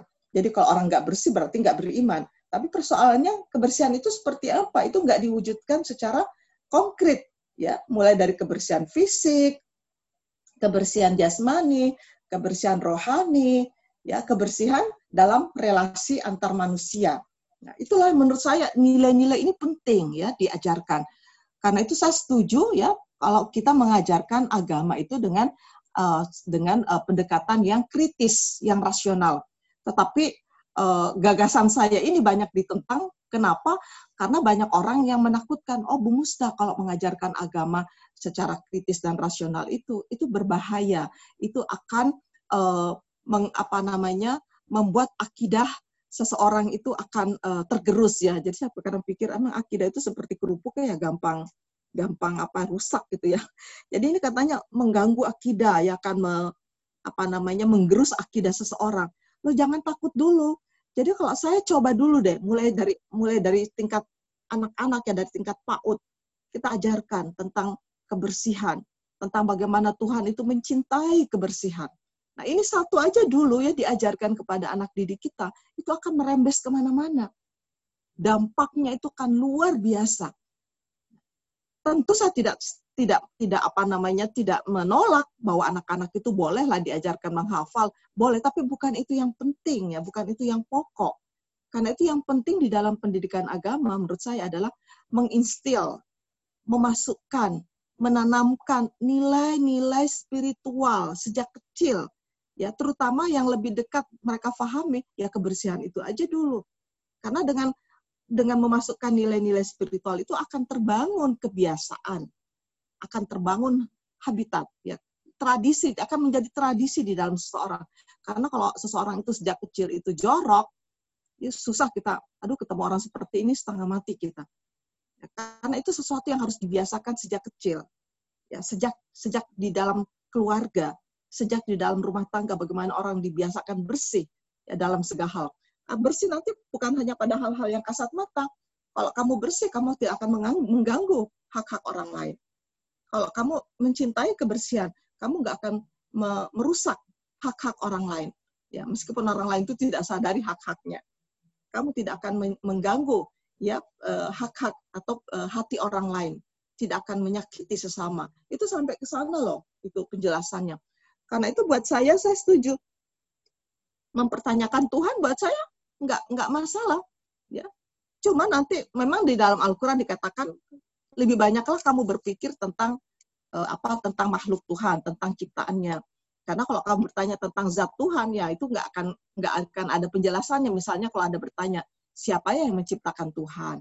Ya Tuhan itu terbuat dari unsur-unsur apa saja. Itu nggak ada penjelasannya. Dan pertanyaan-pertanyaan seperti itu juga menurut saya nggak ada manfaatnya juga sih buat kehidupan kita memangnya kalau Tuhan itu terbuat dari apa ada ada efeknya buat buat uh, apa namanya kehidupan kita sehari-hari karena itu mari kita ya kembali lagi rasional untuk hal-hal yang tidak penting kita pertanyakan ya nggak usahlah kita membebani pikiran kita dengan hal-hal yang tidak tidak penting untuk kita pikirkan. Mending kita memikirkan hal-hal yang penting. Bagaimana kita uh, apa namanya mengurangi uh, emisi apa namanya uh, apa namanya uh, uh, pencemaran lingkungan itu kan bermanfaat kita memikirkan bagaimana memikirkan bagaimana supaya pendidikan itu uh, dapat diakses oleh semua orang, termasuk oleh kelompok-kelompok yang uh, miskin dan duafa, kelompok-kelompok dalam Al-Quran disebut mustada'afin. Ya kita memikirkan hal-hal yang manfaat kira-kira seperti itu. Nah itulah maksudnya di dalam Al-Quran memang ada ayat mengatakan nggak usah kamu berpikir tentang uh, apa zat Tuhan, tetapi pikirkanlah tentang makhluk Tuhan. Saya kira itu, saya kira memang demikian manfaatnya ya kalau kita memikirkan tentang makhluk Tuhan ya lebih banyak manfaat yang dapat kita uh, petik ya untuk kepentingan kita sendiri, tapi juga untuk kepentingan uh, sesama. Nah ini ada pertanyaan menarik, ini sebenarnya nyindir ini ya, bagaimana nih banyak orang yang tinggi gelarnya ya sampai profesor sekalipun, tapi kok kelakuannya tidak setingkat profesor. Jangan salah bahwa pendidikan itu tidak berbanding lurus dengan uh, akhlak seseorang ya. Nah, ini loh yang saya kadang-kadang uh, apa ya? Bahkan ada orang yang tidak beragama tapi akhlaknya itu baik loh. Kenapa? Karena akhlak itu sesuatu yang berbeda, pendidikan itu sesuatu yang lain. Jadi bukan sesuatu yang uh, apa namanya? saling saling apa namanya? saling menopang. Karena apa? Karena pendidikan kita juga saya selalu mengatakan kalau Anda membaca buku-buku saya, terutama dalam ensiklopedia Muslimah Reformis, itu ada satu subtema tentang pendidikan, pentingnya pentingnya mengemas pendidikan yang humanis. Pendidikan yang membuat seseorang itu menjadi lebih manusiawi. Dalam masyarakat kita ini tidak terjadi karena pendidikan kita hanya mengasah aspek intelektual, tidak mengasah aspek spiritual.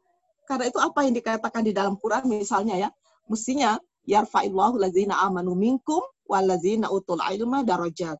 Ya, bahwa Tuhan akan mengangkat derajat orang-orang yang beriman dan berpengetahuan itu ber, eh, apa namanya beberapa derajat ya banyak bahkan berapa banyak derajat jadi Allah akan memuliakan ya orang-orang yang beriman dan orang-orang yang berpengetahuan tetapi yang dimaksud dalam ayat ini adalah orang yang pengetahuannya itu adalah pengetahuan yang membawa manfaat bagi kemanusiaan. Tapi kalau pengetahuan Anda tidak membawa manfaat dan sikap Anda juga tidak membawa manfaat, ya tidak ada tidak ada Anda tidak memperoleh keistimewaan apa pun ya. Karena itu kita menuntut ilmu bukan hanya sekedar ilmu. Tapi kita menuntut ilmu, betul-betul ilmu yang akan membawa manfaat bagi kemaslahatan orang banyak. Karena itu hati-hati juga loh, karena pengetahuan pengetahuan yang Anda miliki itu akan dipertanyakan juga. Untuk apa Anda menuntut ilmu? Sama dengan untuk apa Anda mencari kekayaan sebanyak-banyaknya. Sementara kekayaan itu tidak bermanfaat. Karena kekayaan itu dalam Islam itu menarik ya. Anda boleh menjadi sekaya-kayanya. Tetapi ingat, kekayaan itu bukan untuk ditumpuk seperti harta karun. Melainkan untuk didistribusikan bagi kepentingan kemaslahatan manusia, kemaslahatan makhluk Tuhan, dan bahkan juga kemaslahatan lingkungan. Karena itulah selalu dikatakan Islam itu adalah rahmatan lil alamin. Jadi kalau Anda mengaku sebagai seorang muslim, pastikan bahwa hartamu, kekayaanmu, pangkatmu, jabatanmu, apa pun yang kamu miliki, itu harus bermanfaat. Bukan hanya untuk manusia, tapi untuk rahmatan lil alamin. Nggak mudah kan? Ya memang nggak mudah. Itulah risikonya kita menjadi orang yang beragama karena kita dianugerahi akal ya gunakanlah akalmu sebaik-baiknya. Nah, ini ada pertanyaan tentang zakat. Sekedar informasi, besok saya akan dalam webinar yang lain jam jam uh, eh, 3.30 besok ya uh, kami akan menggelar satu diskusi khusus dengan tema zakat. Zakat dan sedekah sebagai bentuk solidaritas kemanusiaan. Jadi kalau ada yang berminat silahkan. Nanti bisa minta ke uh, panitia ya uh, apa namanya nomor kontaknya. Jadi akan saya jelaskan panjang lebar ya besok dalam uh, apa namanya dalam seminar seperti ini, dalam diskusi seperti ini tentang apa sih manfaat zakat. Kan banyak orang yang nggak mengerti dikiranya itu sekedar mengeluarkan harta saja. Oh tidak, zakat itu punya punya makna yang spiritual yang sangat dalam di dalam Islam. Dan ini menjawab persoalan-persoalan apa namanya yang dihadapi uh, masyarakat jahiliyah sebelum Islam. Karena kalau saya melihat uh, sistem ekonomi masyarakat jahiliyah pra-Islam itu adalah sistem ekonomi fasisme, di mana harta kekayaan itu hanya bergulir di antara para elit. Nah, Islam datang nggak bisa seperti itu. Kelompok mustadafin juga harus dapat. Harta kekayaan itu harus berfungsi sosial, bukan untuk kepentingan seseorang, golongan dan sebagainya. Ini menarik loh kalau saya membahas tentang ini. Lalu, ini ada pertanyaan yang menarik ya, bagaimana kita mengelola emosi? Kalau ketemu dengan orang-orang yang saya juga sebenarnya nggak ahli juga terhadap kelompok-kelompok seperti ini, gimana kadang-kadang saya juga ikut marah juga ya, karena kadang-kadang susah juga ya me, apa, mengelola emosi. Saya pikir nggak ada orang yang ahli atau betul-betul sudah dikatakan lolos, tapi kita semua dalam konteks uh, berusaha bagaimana kita mengelola emosi kita agar tidak meledak ya. Ya diperlukan diperlukan sebuah uh, pelatihan. Diperlukan sebuah upaya. Itulah pentingnya beberapa orang menawarkan. Ada yoga ada meditasi ya kalau saya ada sholat tahajud ya ada ya sholat itu sebenarnya mampu ya. Bahkan puasa ini paling mampu loh mengelola emosi. Jadi kalau dikatakan dalam banyak hadis Nabi kalau kamu sedang berpuasa, lalu ada orang yang ngajak kamu uh, berantem atau ngajak kamu berkonflik, kamu katakan, saya sedang puasa. Jadi nggak usah dilayani, kita maaf biasa lagi puasa, saya nggak punya nggak punya mood untuk melayani uh, apa namanya hal-hal yang berkaitan dengan emosi. Sorry ya, gitu. Jadi ini kan sebuah hal yang buat saya, kalau orang betul-betul berpuasa dengan baik, dia pasti akan bisa mengelola emosinya untuk tidak me, apa namanya melayani orang-orang yang tidak punya apa ya, tidak punya uh, kemanusiaan ya. Ya memang tidak mudah, tetapi ini latihan. Itulah sebabnya saya katakan kenapa harus 30 hari kita berpuasa selama Ramadan.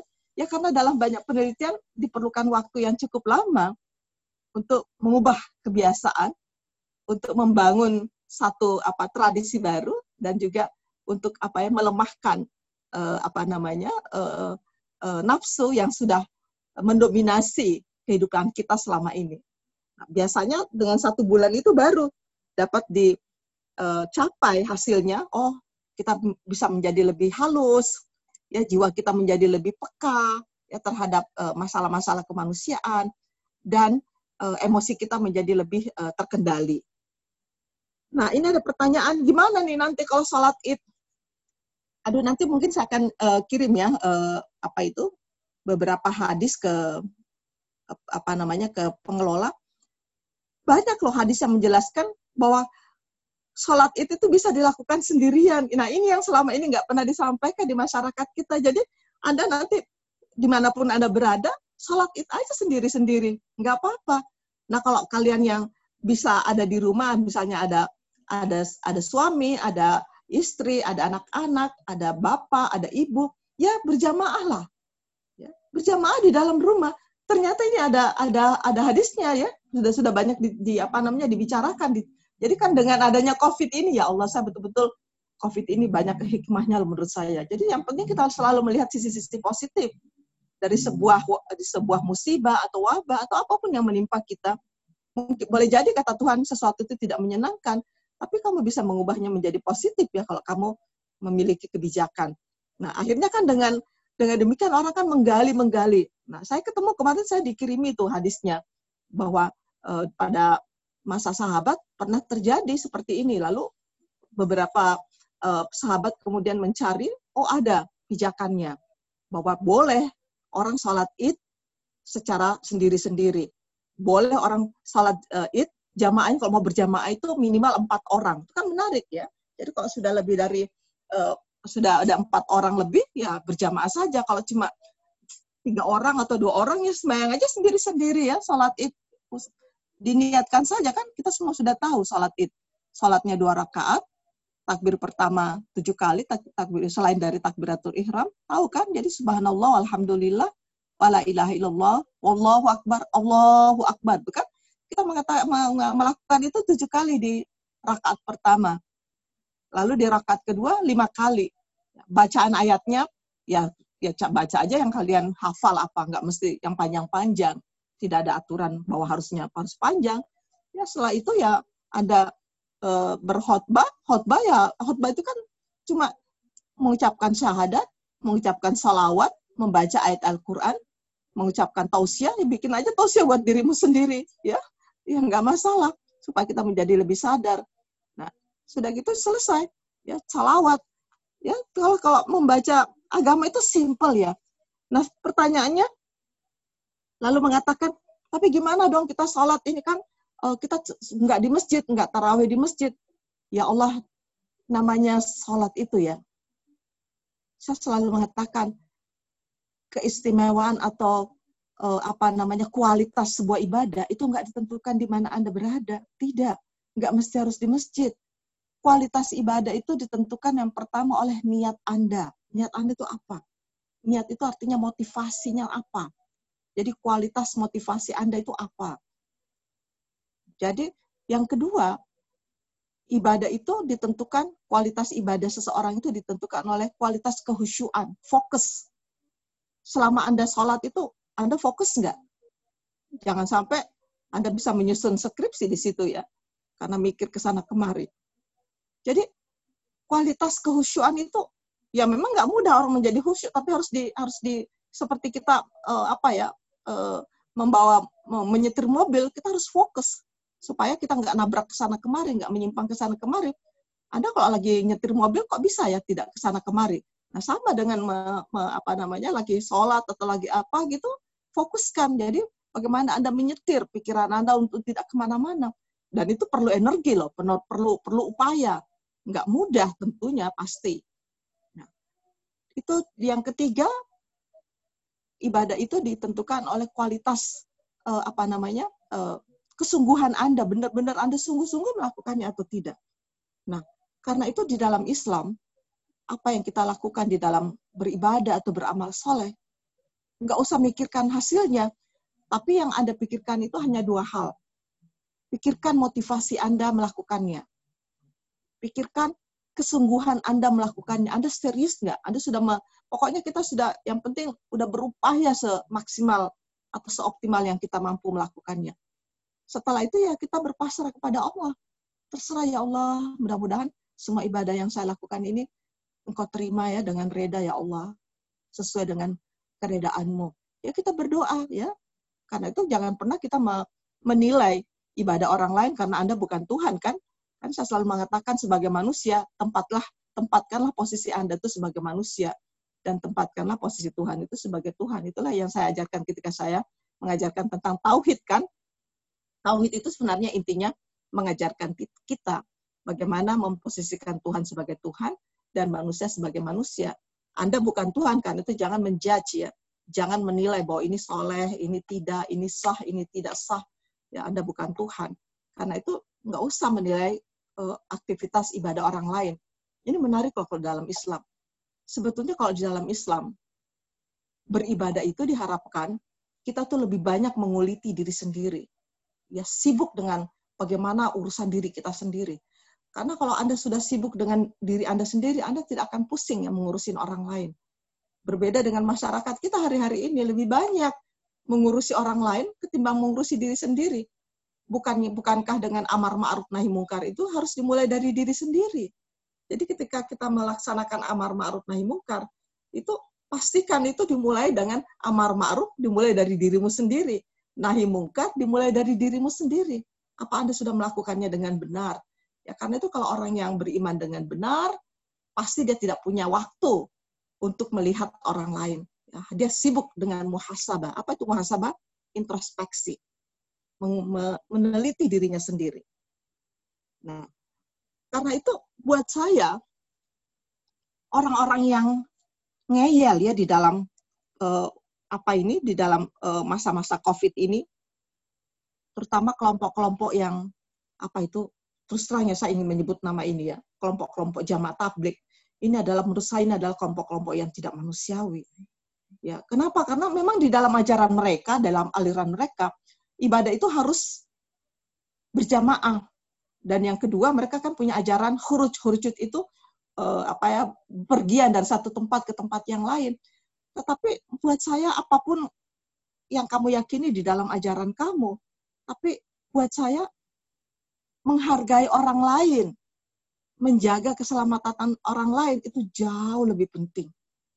Karena apa? Karena dengan cara-cara seperti ini makanya beberapa tempat oh ditemukan di kita baca kan laporan-laporan media, laporan-laporan dari televisi pertemuan jamaah tablik di Jakarta Barat mengakibatkan 176 terpapar ya virus. Ya karena persentuhan dan juga hubungan yang dekat itu kan tidak bisa benar-benar itu akan menjadi apa ya penularannya itu karena itu kalau kamu betul-betul merasa bahwa aliranmu paling benar oke okay lah buat saya nggak masalah. Tetapi bisa nggak kamu lebih berempati terhadap orang lain? Karena dengan sikap-sikapmu itu kamu membahayakan keselamatan orang lain dan artinya kamu nggak manusiawi kan? Sementara di dalam beragama tujuan terakhir kita adalah apa? Membangun kemanusiaan, membangun apa namanya? rasa empati sehingga orang lain itu tidak mengalami apa namanya bahaya, tidak terganggu keselamatannya. Bukankah ada hadis mengatakan al muslimu man al muslimuna min lisanihi wayadihi. Seseorang itu dikatakan muslim dan muslimah tentunya jadi kalau saya katakan kalau hadisnya ini ya kan karena bahasa Arab itu selalu bahasa yang seksis, ya memang di situ dikatakan al muslimu, tapi sudah ter ter apa namanya terimplikasi di dalamnya juga al muslimah gitu ya. Jadi kalau membacanya itu gitu caranya. Jadi yang dikatakan seorang muslim adalah orang di mana orang lain itu selamat atau terhindar dari kejahatan ucapannya dan dari kejahatan tindakannya. Jadi kalau Anda betul-betul mengakui diri sebagai muslim atau muslimah, pastikan bahwa orang lain itu selamat ya orang lain itu tidak akan mengalami uh, apa bencana dari diri kamu melalui ucapan, melalui perbuatan dan melalui perilaku. Karena itu kita harus selalu sering-sering mempertanyakan benar nih saya muslim, ya benar nih saya muslimah. Karena tanpa harus tanpa ada pertanyaan seperti itu kita sering kali merasa diri kita ini sudah benar padahal belum tentu loh ya karena itu penting sekali kita selalu mempertanyakan keislaman kita mempertanyakan kemanusiaan kita ya mempertanyakan keagamaan kita benar nih saya beragama seperti ini ya, dan seterusnya nah ada lagi nih pertanyaan berikutnya bagaimana nih dengan hadis-hadis yang menjelaskan tentang rambut di belah tujuh sebenarnya bukan hadis ya tafsir. Ya para ulama itu ya boleh-boleh saja dia menjelaskan seperti itu. Ya karena ya seperti yang saya katakan tadi banyak ulama juga yang mengatakan bahwa ada juga sih golongan yang pandangan yang apa sih namanya level intelektualnya itu nggak sampai kepada level kemanusiaan yang tinggi. Artinya apa?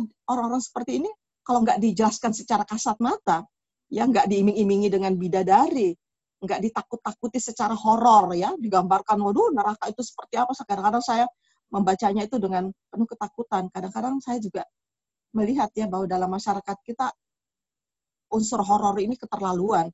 Sampai ada beberapa orang yang datang ke saya, dia tuh selalu mengalami nightmare, mimpi-mimpi buruk akibat apa? Akibat waktu kecil dia suka diceritakan horor gitu sama guru ngajinya. Nah, itu sampai terbawa sampai dia besar, sampai dia dewasa, dia suka suka kekeringetannya, suka ketakutan, tiba-tiba dia ketakutan membayangkan neraka itu seperti itu.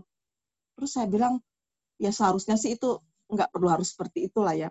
Tetapi buat saya, bagaimana menyadarkan manusia tentang pentingnya kehidupan di dunia ini sebagai jalan untuk mencari bekal untuk kehidupan di akhirat.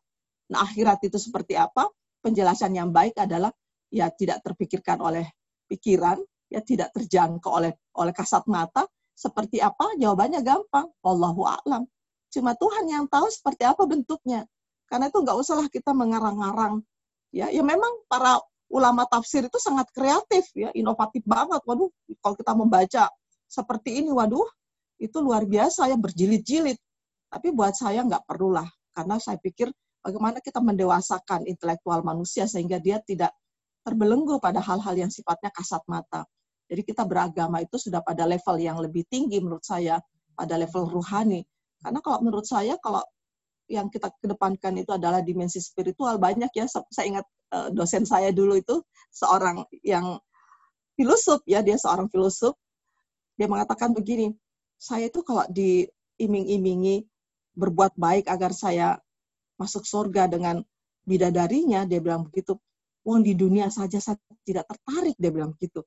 Saya ini udah nggak tahu ya, saya tuh nggak ke nggak tidak tertarik dengan aspek-aspek duniawi. Saya nggak tertarik dengan hal-hal itu, sedangkan di dunia saja saya tidak tertarik. Apalagi di akhirat, wah saya nggak tertarik deh, dia bilang begitu.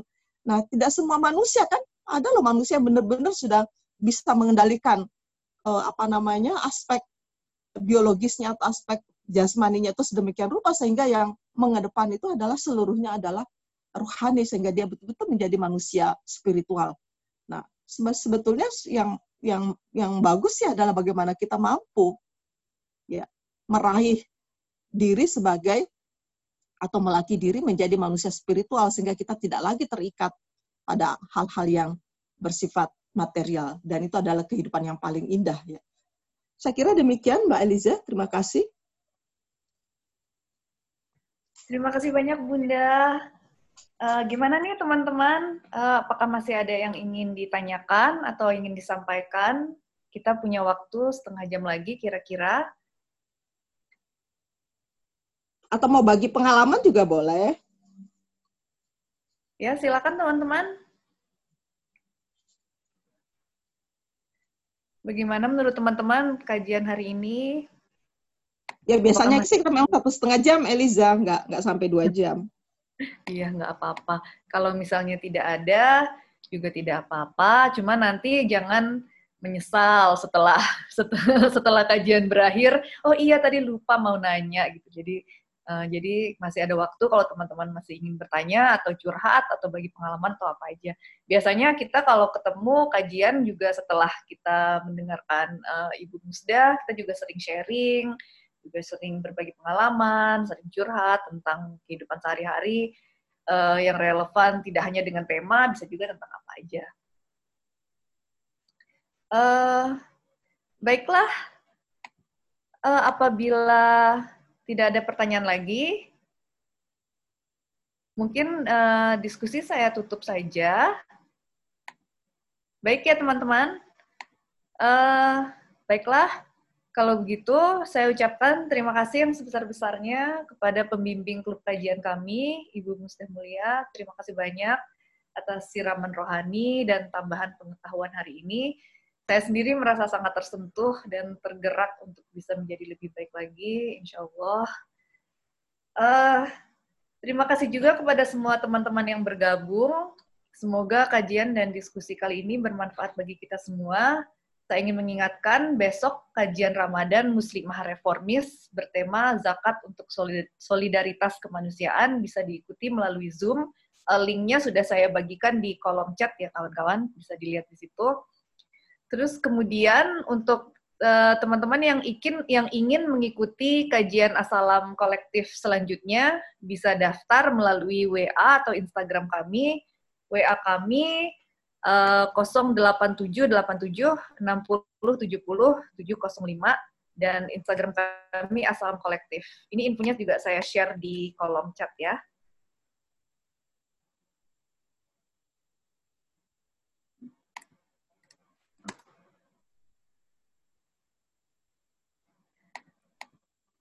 Baiklah, uh, peserta mengucapkan terima kasih untuk ilmunya Ibu. Terima kasih kembali. Yang mudah-mudahan kita semuanya selalu sehat ya. Amin.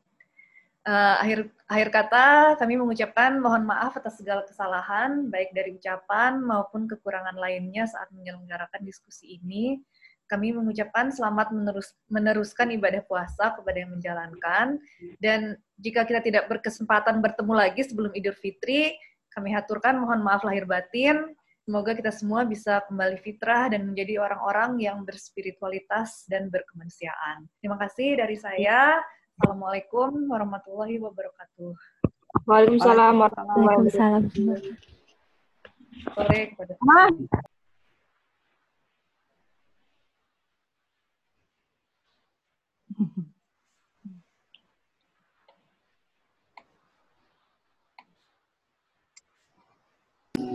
Ibu terima kasih ya. Kamu lah pakai masker gitu lagi di mana? Berada di mana? Lagi di warung, Bu, lagi jaga. oh. Iyalah. Pokoknya sehat selalu ya. Mudah-mudahan ya. kita semua sehat. Ya, alhamdulillah juga sehat selalu. Terima kasih banyak sekali lagi, Bu. Alhamdulillah, ya makasih. Assalamualaikum warahmatullahi wabarakatuh. Assalamualaikum warahmatullahi wabarakatuh.